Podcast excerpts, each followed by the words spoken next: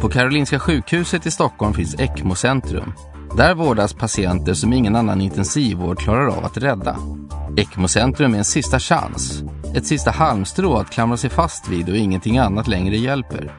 Man skulle kunna tro att få överlever på en avdelning med patienter som är så oerhört sjuka. Men så är det inte. Tvärtom. 75 procent av patienterna överlever. Och inte bara det. Majoriteten återgår till ett fullt normalt liv. Det här fantastiska resultatet är världsledande och sjukhus från hela världen riktar ständigt blickarna mot ECMO-centrum för att lära sig hur man ska göra. Och den person som man ofta vänder sig till är en av dem som drog igång ECMO-vård i Sverige på 1980-talet. En person som blivit smått legendarisk både i Sverige och internationellt inom den här typen av intensivvård. Hans namn är Kenneth Palmer, men han är mest känd kort och gott som Palle och han är överläkare på ECMO-centrum. Det här är avsnitt ett och vi pratar om vad ECMO-vård innebär, vilka patienter som vårdas och hur det hela började. Du lyssnar på Vakano, en informations och utbildningsportal inom vård, omsorg och hälsa med vårdpoddar. Och jag heter Anders Lidén.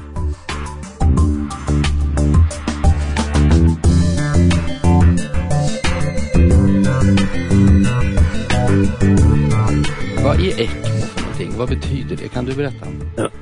ECMO är ju en förkortning på extra korporal membranoxygenering. Det betyder utanför kroppen membransysättning i princip. Så att, och egentligen så är det ju en modifierad hjärt-lungmaskin i grund och botten. Det är en vanlig hjärt-lungmaskin, då har man ett öppet system. För man suger massa blod ifrån operationen. Men det här systemet är slutet vilket också gör att man kan hålla på med det här i veckor, månader. Den vanliga hjärt-lungmaskinen, i och med att man har öppet system så uppfattar ju eh, blodet luften som en främmande yta och därför kan man inte hålla på hur länge som helst.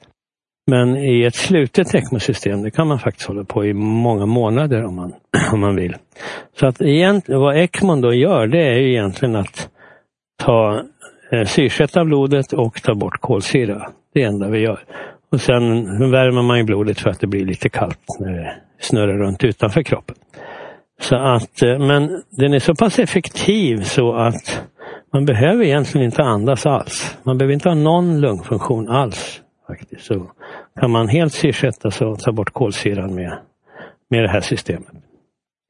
Så att eh, eh är det då en, Eh, en venovenös, det är den vanliga, det är en lungmaskin så att säga. Då, då syrsätter man tar bort kolsyra bara. Men ibland när hjärtat sviktar då kan man lägga den ena slangen i en artär och då blir det ven och arteriell ECMO. Vilket betyder att då tar man också över stora delar av hjärtfunktionen. Att, eh, den går att använda på, på diverse olika sätt på det sättet. Skulle du kunna beskriva maskinen, själva ECMO-pumpen? Vad består den av? Ja, ECMO-pump det är en ganska enkel maskin. Egentligen så, den viktigaste delen det är den här venkanylen säger vi. Det är en slang man lägger in till eh, man lägger in den på halsen och den sträcker sig i ett kärl då ner till eh, hjärtats högra förmak. Så blodet på väg kommer in till hjärtat. Och Storleken på den slangen, eh, på den, just den här kanylen är väldigt viktig för det är den som begränsar hur mycket vi kan pumpa. Den måste vara tillräckligt stor.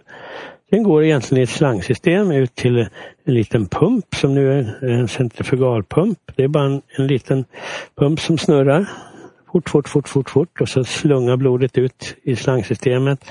Går upp genom en oxygenator kallas det. Det är den konstgjorda lungan då som man säger. Men eh, egentligen är det fibrer där man, vad heter det, låter, eh, det är egentligen som fibrerna kan man säga, det är som makaroner fast det är tunna, tunna slangar. Och så tar man och limmar båda sidorna på det här fiberpaketet. Eh, då blir det bara en limklump. Sen sågar man den här limklumpen. Det betyder att då har man limmat igen alla mellanavstånd mellan fibrerna men hålet i fibrerna har nu öppnat sig för man har så att, eh, och det gör man på övre undersidan. Och då sa man syrgasen går in på den och de går i fibrerna ner här igenom. Och i, i den här konstgjorda lungan då som är kanske en, en och en halv decimeter hög. då kommer syrgasen gå från den här fibern ut i blodet som är på utsidan genom de här fibrerna. det är ju inte det är ju en fiber som kan släppa igenom gas så att säga. Och kolsyra kommer gå från blodet in i fibern och åka ut genom gasströmmen. Så att det är en konstgjord lunga, det låter som en jättekomplicerad grej men det är i själva verket ser ut lite grann som en dialysfilter. Eh, men de, där rinner det ju vatten in och ut. De, fibern, de hålen är ju större, för vi har mindre hål i våra fibrer för att det är bara gas. Sen har man ju plasmaferesfilter som är ännu större hål där blodplasman rinner igenom. Så att Samma typ av teknik egentligen. Men den stora skillnaden är att vi pumpar 4,5 liter blod per minut. 4,5-5 liter. Så att, eh, och eh, vi kan inte stanna den här maskinen och göra och prima upp en ny för då, då finns inte patienten mer utan en dialysfilter kan man ju stanna filtret och så kopplar man av och så sätter man igång en ny maskin. Så, så kan inte vi göra utan vi är direkt beroende. Vid 30 sekunders stopp, det är vad vi tål. Mer tål vi inte. Vilken typ av, av, patienter är det som är aktuella för ECMO-behandling? På, här hos på ECMO-centrum så, så, behandlar vi huvudsakligen eh, respiratoriska, alltså lungsjuka patienter. Eh, mestadels är idag eh, sepsis, blodförgiftningar helt enkelt. Och eh, de behandlas här väl och eh, Eh, sen är det förstås alla möjliga diagnoser. Det, behandlingen är ju inte av en diagnos utan det här är egentligen vad vi gör, det är att vi bara köper tid så att kroppen kan läka sig själv. Eh, men den här tiden fungerar väldigt bra för att de som sagt behöver inte andas själv. Lungorna kan vara hur sjuka som helst. Men bara, sen ska de läka med tiden av sig själv så att säga. Behöver oftast lite antibiotika i botten för mycket infektion med det hela. Eh, en del hjärt-ECMO kör vi här också. Så att, eh, och då kan det vara myokardit, alltså hjärtmuskelinflammationer eller något sånt som man gör det på. Och eh, annars gör man oftast hjärtekmo på de flesta thoraxkirurgiska ställen. Det kan ju vara att man kommer från operation och hjärtat har inte fungerat riktigt bra. Då stödjer man upp det med en hjärtekmo i några dagar för att se om hjärtat hämtas och sådär. Så att, men eh, delvis hjärtekmo gör vi här men eh, huvudsakligen lungekmo. Nu vet jag att eh, de patienter som kommer hit de har ju vissa krav på sig på något sätt, om man kan uttrycka sig på det sättet. att eh, Om man nu klarar av en ECMO-behandling så ska man ändå kunna återgå till något slags normalt liv efteråt, va? eller hur? Ja, vi, här behandlar vi då små barn så att säga ner mot även under två kilo och upp till vuxna och det kan ju vara patienter som är då 75, även 77-78 år. Men då ska det ju vara patienter förstås som har ett relativt eh, normalt rikt liv om man är 78 år. Det är ofta personer som tränar mycket och sådär. Eh, behandlingen är, det är inte så lätt att ta så att säga för alla. Så är man multisjuk så, är, så fungerar inte behandlingen bra utan det ska ju vara att, man, att det finns en patienter som har varit relativt pigga och friska som, som får behandling om man är väldigt gammal. Så att de kan komma tillbaks till sitt eh, normaltillstånd. Men för att hamna här som, så ska man ändå ha en, en risk för att eh, dö då, som är runt 80 procent, ja. eller hur? Visst är det så? Eller? Jo, i, i, man kan man bara titta generellt på det kan man säga så här att de patienter som vi får, de kommer ju från en annan intensivvårdsavdelning och har då legat där säkert eh, någon eller ett par dagar eller en vecka eller så.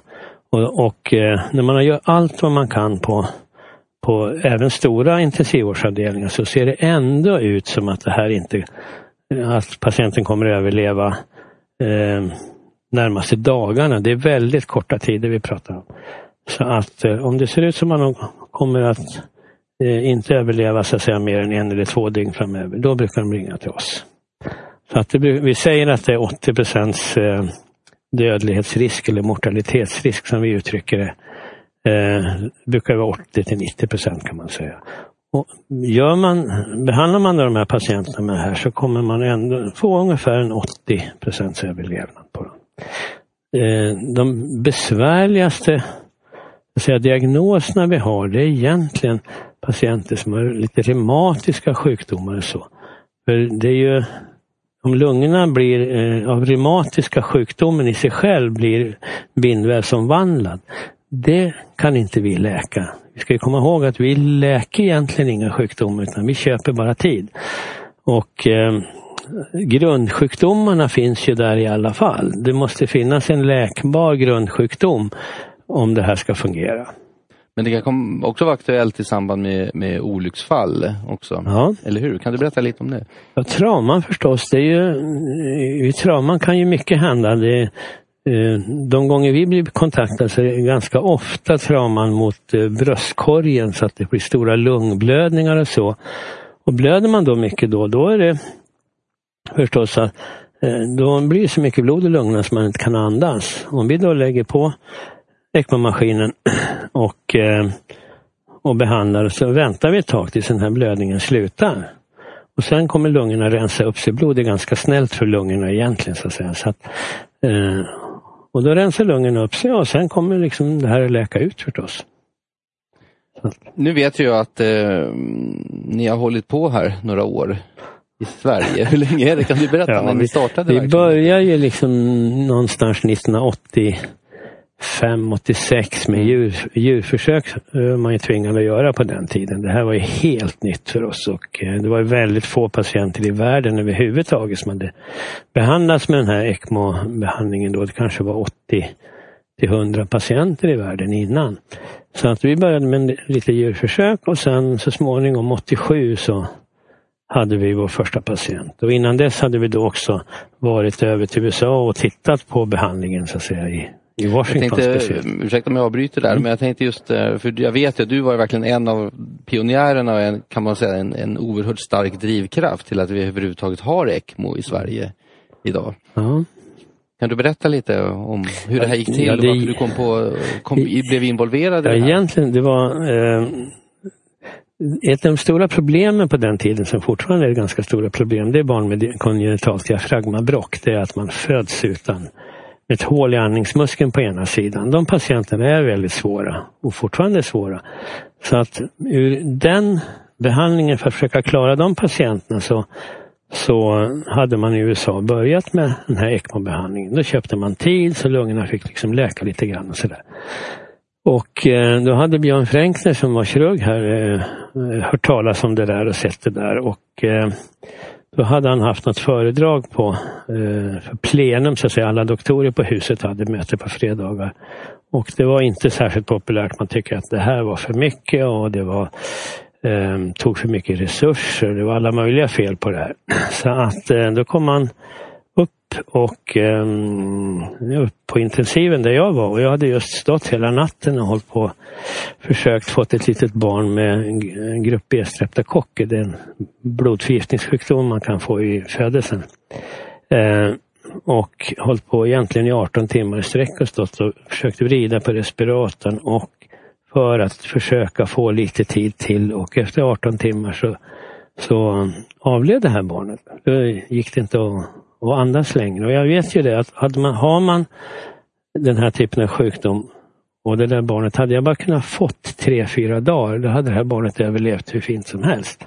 Men du kände du en stor frustration då? Ja, det var... Hur kändes det då? När, det, när jag, jag var liksom, hade just lämnat det där barnet då som hade avlidit och så kom, träffade jag Björn i korridoren och så började han prata om det med ECMO. Han pratade liksom om en, en helt ny, ny sätt att tänka. Ett helt ny behandlingsmetod och menar på att det här kan man liksom utan vidare få en vecka, 14 dagar eh, tid på. Så att, och då, där startar egentligen ECMO-behandlingen i Sverige. Så sen började vi liksom titta på det där och läsa på och vi höll på mycket och fundera på hur det här ska gå till och vi började så småningom med en del djurförsök. Och det här var ju liksom, och han ser inget stöd från sjukhuset alls på något sätt utan snarare ett motstånd. Så att, eh, men varför var det ett motstånd då, tror du? Vad, vad, såg man för nackdelar med det här? Ja, men det är svårt att ta in någonting. Det här är så annorlunda att göra jämfört med vad vi annars gör. Vi hade inte dialys på den tiden ens. Så att eh, då är det här liksom... Det var, det var, det var ett för, på något sätt? Ja, för främmande och eh, folk, just, folk pratar ofta mycket om resurser, vilket är väldigt svårt att förstå också. Det är klart att det är krävande ur personalsynpunkt och sådär, men jag menar, det är all, vi, har, vi har ju patienter där hela tiden, så det kräver ju sin personal i alla fall. Men vad jag har hört så, så byggde ni en egen sån här ECMO-pump till att börja med, eller hur? Ja, nej, någonstans, eller egentligen inte. Vi, vi hade ju, jag tror att vi hade en budget på 7000 kronor eller någonting sånt där. Så att, eh, så att vi hyrde en pump i två månader. Det kostade 5000 kronor. Det var ju liksom katastrof för den budgeten.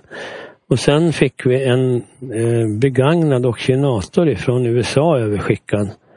Ehm, för då skulle vi göra eh, ett djurförsök. Och eh, slangar gick vi upp på tår och hämtade sådana som var kastade. Och så, så att det liksom, till slut så det blev väldigt mycket custom made över det hela så att säga. Så att, men eh, budgeten på 7000 höll. och, eh, och då gjorde vi det där djurförsöket. Då. Vi hade ju inte råd med, två, råd med två djur för att vi skulle egentligen behövt haft blod från ett annat djur för att vi måste blodfylla systemet. Eh, så att eh, det kunde vi ha, men vi hade ju bara det var ett grisförsök man gör då så att säga. Men det här var på Sankt Görans sjukhus? Ja, eller på Sankt Görans sjukhus. Mm. Ja, det här måste vara 1986, 85, mm. 86 eller någonting sånt där. Och det höll ni på i, i typ källaren där? Ja, två våningar ner så fanns det ett, ett djurlabb som man kunde hålla på. Mm. Så att, eh, mm så då sitter vi där förstås hela natten och tittar på det här eh, systemet och grisen och funderar och tänker och hur vi ska göra så. så att, men det här, det, man bygger det sakta, men det, man tar aldrig stora steg. Liksom. Ehm, så, så småningom efter det så fick vi väl en, en bidrag tror jag från hjärt-lungfonden på 50 000 kronor. Då kunde vi göra två djurförsök till. Um, och därefter så åkte vi över till USA. Eh, och då var det för egna pengar, det var inget bidrag från sjukhuset här. För det var, de fortfarande motståndet var enormt. Så ni eh, betalade för den resan själva? Ja, ja det var hushållskassan, vår, vår, vår egen hushållskassa som gick åt.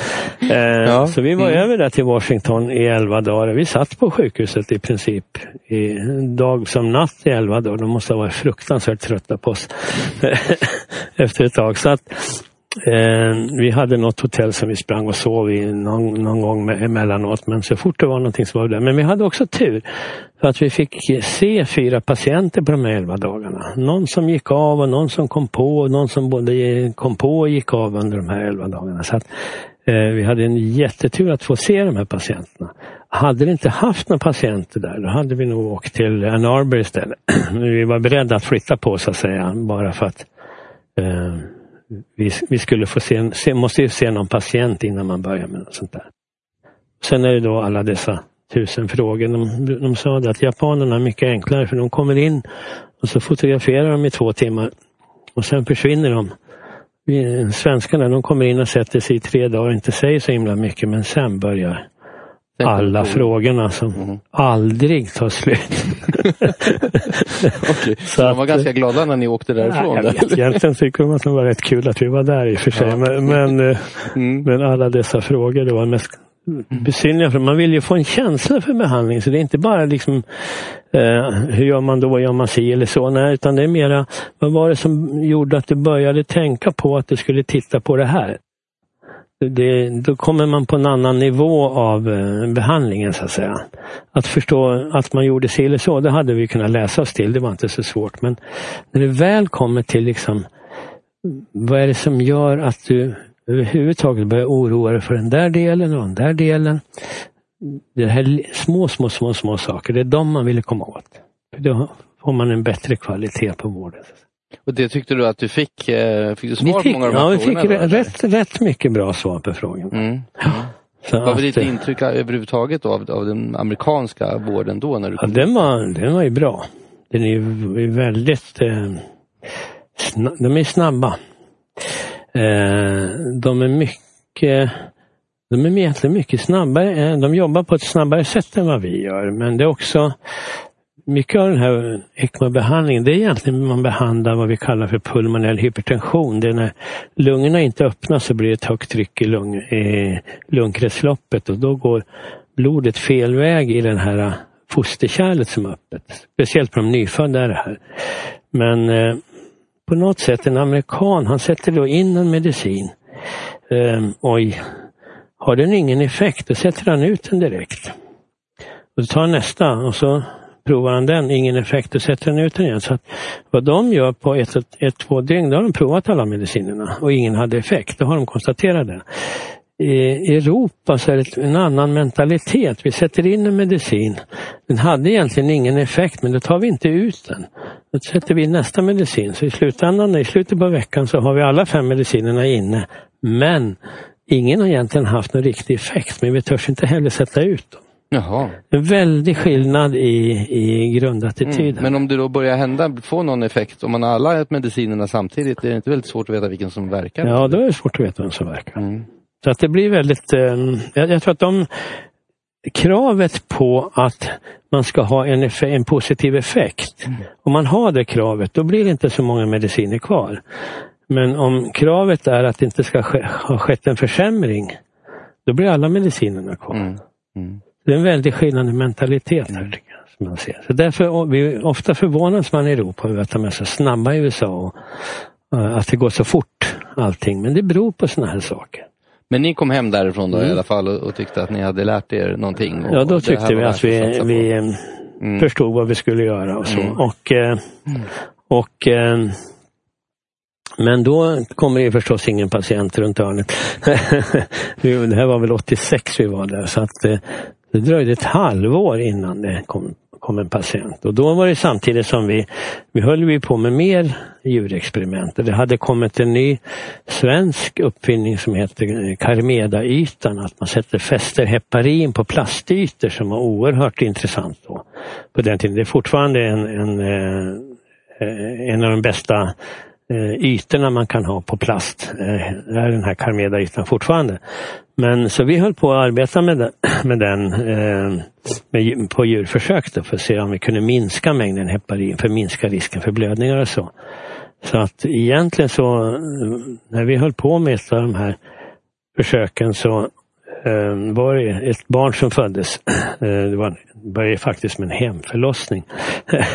som sen hade diafragmabråck och så här. Så att, men då blev, hade han blivit opererad för sitt diafragmabråck och så blev han sämre och sämre och sämre. Och vi stod i källan med eh, vårt djurförsök och vi gick mellan djuret och det här barnet och tittade och se hur går det, hur går det? För att vi hade ju faktiskt bara en pump. Så att, ehm, och till slut så bestämde vi oss, nej det här, nu, nu går det inte längre, nu får vi avbryta djurförsöket. Fick städa pumpen och se till. Och så material, material man har det är ju engångsmaterial så att det är det som har i kontakt med patienten. Men mm. vi fick ju förstås städa av pumpen så den blir ren ordentligt innan vi gick upp. Och, och då, det här barnet var det första barnet då som vi la på. Och, eh, den, eh, den blev så dålig så den hade ett kort, kort hjärtstillestånd innan vi började. Och det var nog tur för oss någonstans eh, i slutändan för att den låg han åtta dagar i ECMA-behandling och överlevde. Eh, men för motståndet var ju så stort så att hade, eh, hade han inte haft det här lilla hjärtstilleståndet då hade man lätt kunnat sagt att ja, det var väl inte nödvändigt. Men nu var det väldigt svårt att säga det när man har gått så långt så att det faktiskt blev ett litet kort hjärtstillestånd innan vi började. Så um, rekommendationen på den tiden var att man inte skulle lägga på när man har hjärtstillestånd. Men nu var vi precis i, i, i vad heter det, kanuleringen när hjärtstilleståndet kom. Så det gick ganska fort att komma på sig. Det var väldigt bråttom då? då oh ja, det var väldigt, väldigt bråttom. Mm. Så att um, det, det gick... Men ni räddade livet på den lilla? Ja. Och det var vår första patient. Mm. Mm. Som då är han är född 87 så han är 28 år nu. Mm, och lever och är fullt frisk idag? Absolut. Mm. mm. Och hur kändes det då, då första gången ja, det där var, klarade sig? Det var ju mycket är från den här första tiden när vi lärde oss. Allt är inte sådär självklart men eh, de första sju patienterna, då var vi doktorer som satt dygnet runt själva. Vi avlöste varandra. Vi var tre doktorer. Det var Henrik Irén också.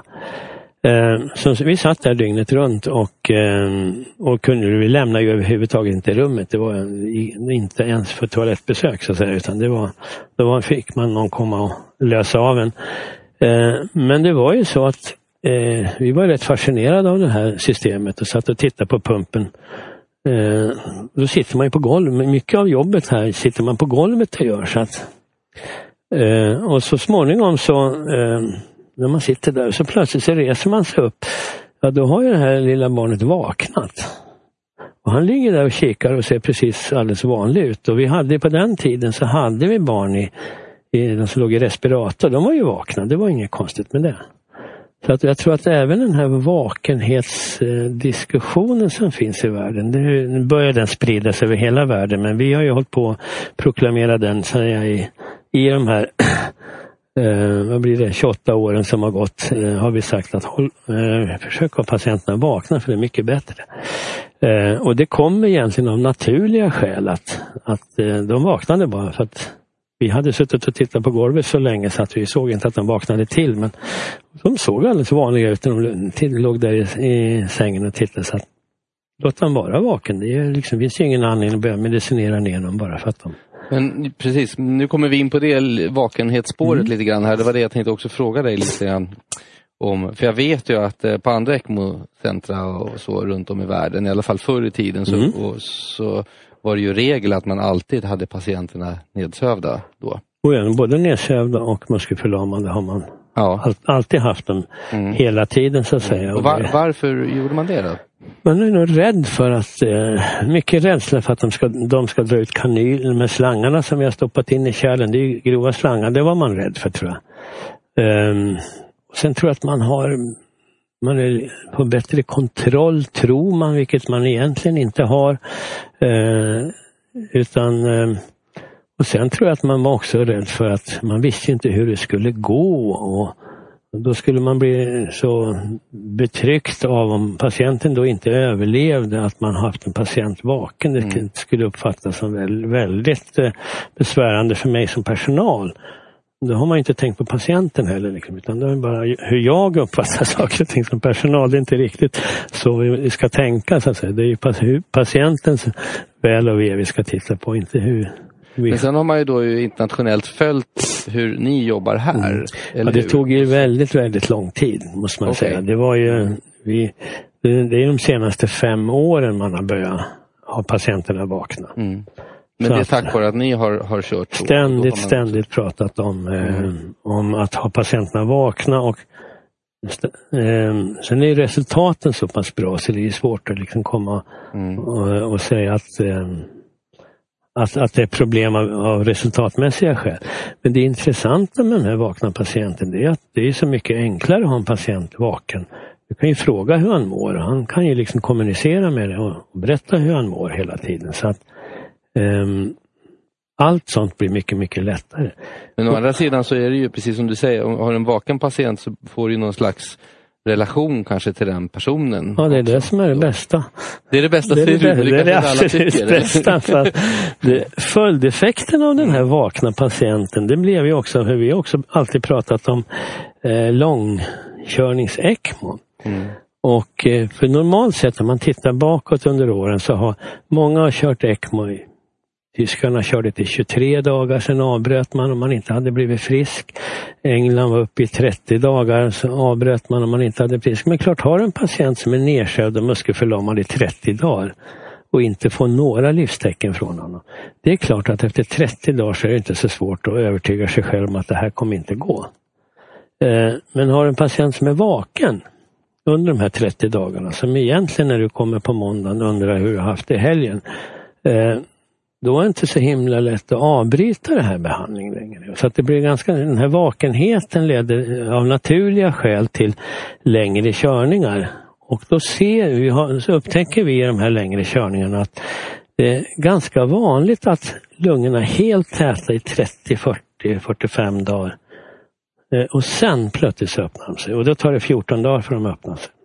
Det här liksom såg vi under de här långa körningarna. Så att, jag tror tack att, vare att patienterna var vakna, då var det lite svårare? Eh, ja, rent, då var, eh, kunde man inte avbryta. Nej, utan det fortsatte ett par veckor till och så plötsligt mm. så har de här lungorna öppnat upp sig och så blir patienten frisk. Det har man inte sett om man hade avbrutit vid 30 dagar. Mm. Så att den här vakenheten ledde till långa körningar som också i sin tur ledde Förlåt. Nu vet jag att ni har några som har legat riktigt länge här. Mm. Hur, hur länge har de längsta legat? Ja, det är Det är 280-90 dagar den absolut längsta men vi har haft en, en kvinna som har överlevt som har legat i 229 dagar ungefär. Och som klarade sig? Som klarade, blev lungtransplanterad och klarade sig. Men, mm. så att, men det är också fantastiskt. Man, vi hämtade henne från Spanien och flög upp henne hit. Trodde att det var en infektion från början så visade det sig att det var en reumatisk sjukdom som omvandlade lungorna till i princip bindväv så att de kunde aldrig läka.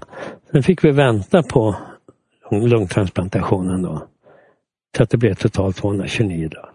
Det är nästan fantastiskt att hon ligger ju då vaken hela tiden här och eh, eh, har en oerhört eh, bra integritet, på något sätt lever ett liv, avdelningen, som ändå är helt okej okay, egentligen och anständigt och bra så. Så att eh, vi till och med, jag tror det var efter 160 dagar någonting så vill hon åka hem till, hon kommer dit uppifrån Gästriklandstrakten och vill åka hem och eh, ta en kopp kaffe på sin altan. Ja, då gjorde vi det. Tog med henne med ECMO-maskinen och respirator och allting. Åker upp och hem till henne, upp på altanen. Du åkte hem till henne? Ja, upp med altanen och ja. allting. Mm. Mm. Ehm, och där har hon ju då liksom lite, ja som man säger, party på, på hela dagen. Grannar och släktingar kommer och hälsar på förstås.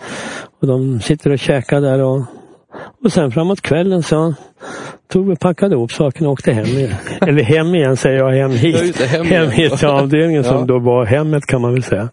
Men det, och det här kan man göra när de är vakna förstås. Mm. Och, det, och det där betydde jättemycket för henne. Hon fick en helt annan energi mm. efteråt. Um, men det måste ju å andra sidan då vara extremt jobbigt också att ha en vaken patient som man inser att man inte kan rädda. Absolut. Det, det, Då hamnar man i en annan problematik. Ja, den problematiken är svår. Det är ju så länge vi har det finns någon form av möjlighet att klara sig så fortsätter vi ofta. Eh, men eh, sen kan det ju komma en dag när vi ser att, vi, att man kanske behöver lungtransplanteras till exempel. Och så får vi ett absolut nej ifrån transplantation för att det, det finns olika skäl till att, att det vissa patienter kan man inte lungtransplantera. Det kan vara att man har haft en cancer i botten och man kan inte immunsupprimera så man har haft en cancer i botten. Någonting sånt där. När vi får vi ett sådant besked som ett, ett absolut nej. Vi brukar ofta få lite halvnej och så, så det betyder att det är en diskussion så att vi, eh, vi kommunicerar väldigt eh, det ska vara ett verkligen, verkligen eftertänksamt nej om det ska komma ett nej. Så att eh, om man då har eh, eh och får ett absolut nej, då hamnar vi i situationen där och patienten är vaken. Då måste, då måste vi avbryta behandlingen. Då, kan man, då finns ju inga vägar ut så att säga. Då man har, fortfarande har man ju inte kommit med den här typen av behandling till någon slags destination terapi. Vilket betyder att man egentligen skulle då skickas hem med en sån här maskin och eh, vara hemma så länge det går. Sen får man se hur det går så att säga. Dit har vi inte kommit än. Om tio år kan jag tänka mig att man har sådana här maskiner. Kanske hemma med en extra reservmaskin om det händer något och sen eh, lever man så. Det finns ju många som har hjärtpumpar hemma så att säga. Också som destin destination terapi. Det betyder att den är slutterapin så att säga. Eh, men eh, ja, då får man helt enkelt sätta sig ner och, och berätta för den här personen att vi kan tyvärr inte hjälpa. Det här var den första delen i serien om ECMO-centrum på Karolinska sjukhuset med överläkare Kenneth Palle Palmer. Det finns två avsnitt till här på Vakano. Missa inte dem. Där berättar Palle bland annat om hur ECMO-centrum utvecklat ett unikt transportsystem för sina patienter, hur man tänker kring utbildning av personal och den mycket speciella tid då ECMO fick medias totala uppmärksamhet i samband med svininfluensan. Du har lyssnat på en podcast från informations och utbildningsportalen Vakano. Har du synpunkter på programmet eller vill tipsa om något annat spännande inom vård, hälsa och forskning så hör gärna av dig. Kontaktuppgifter finns på vakano.se.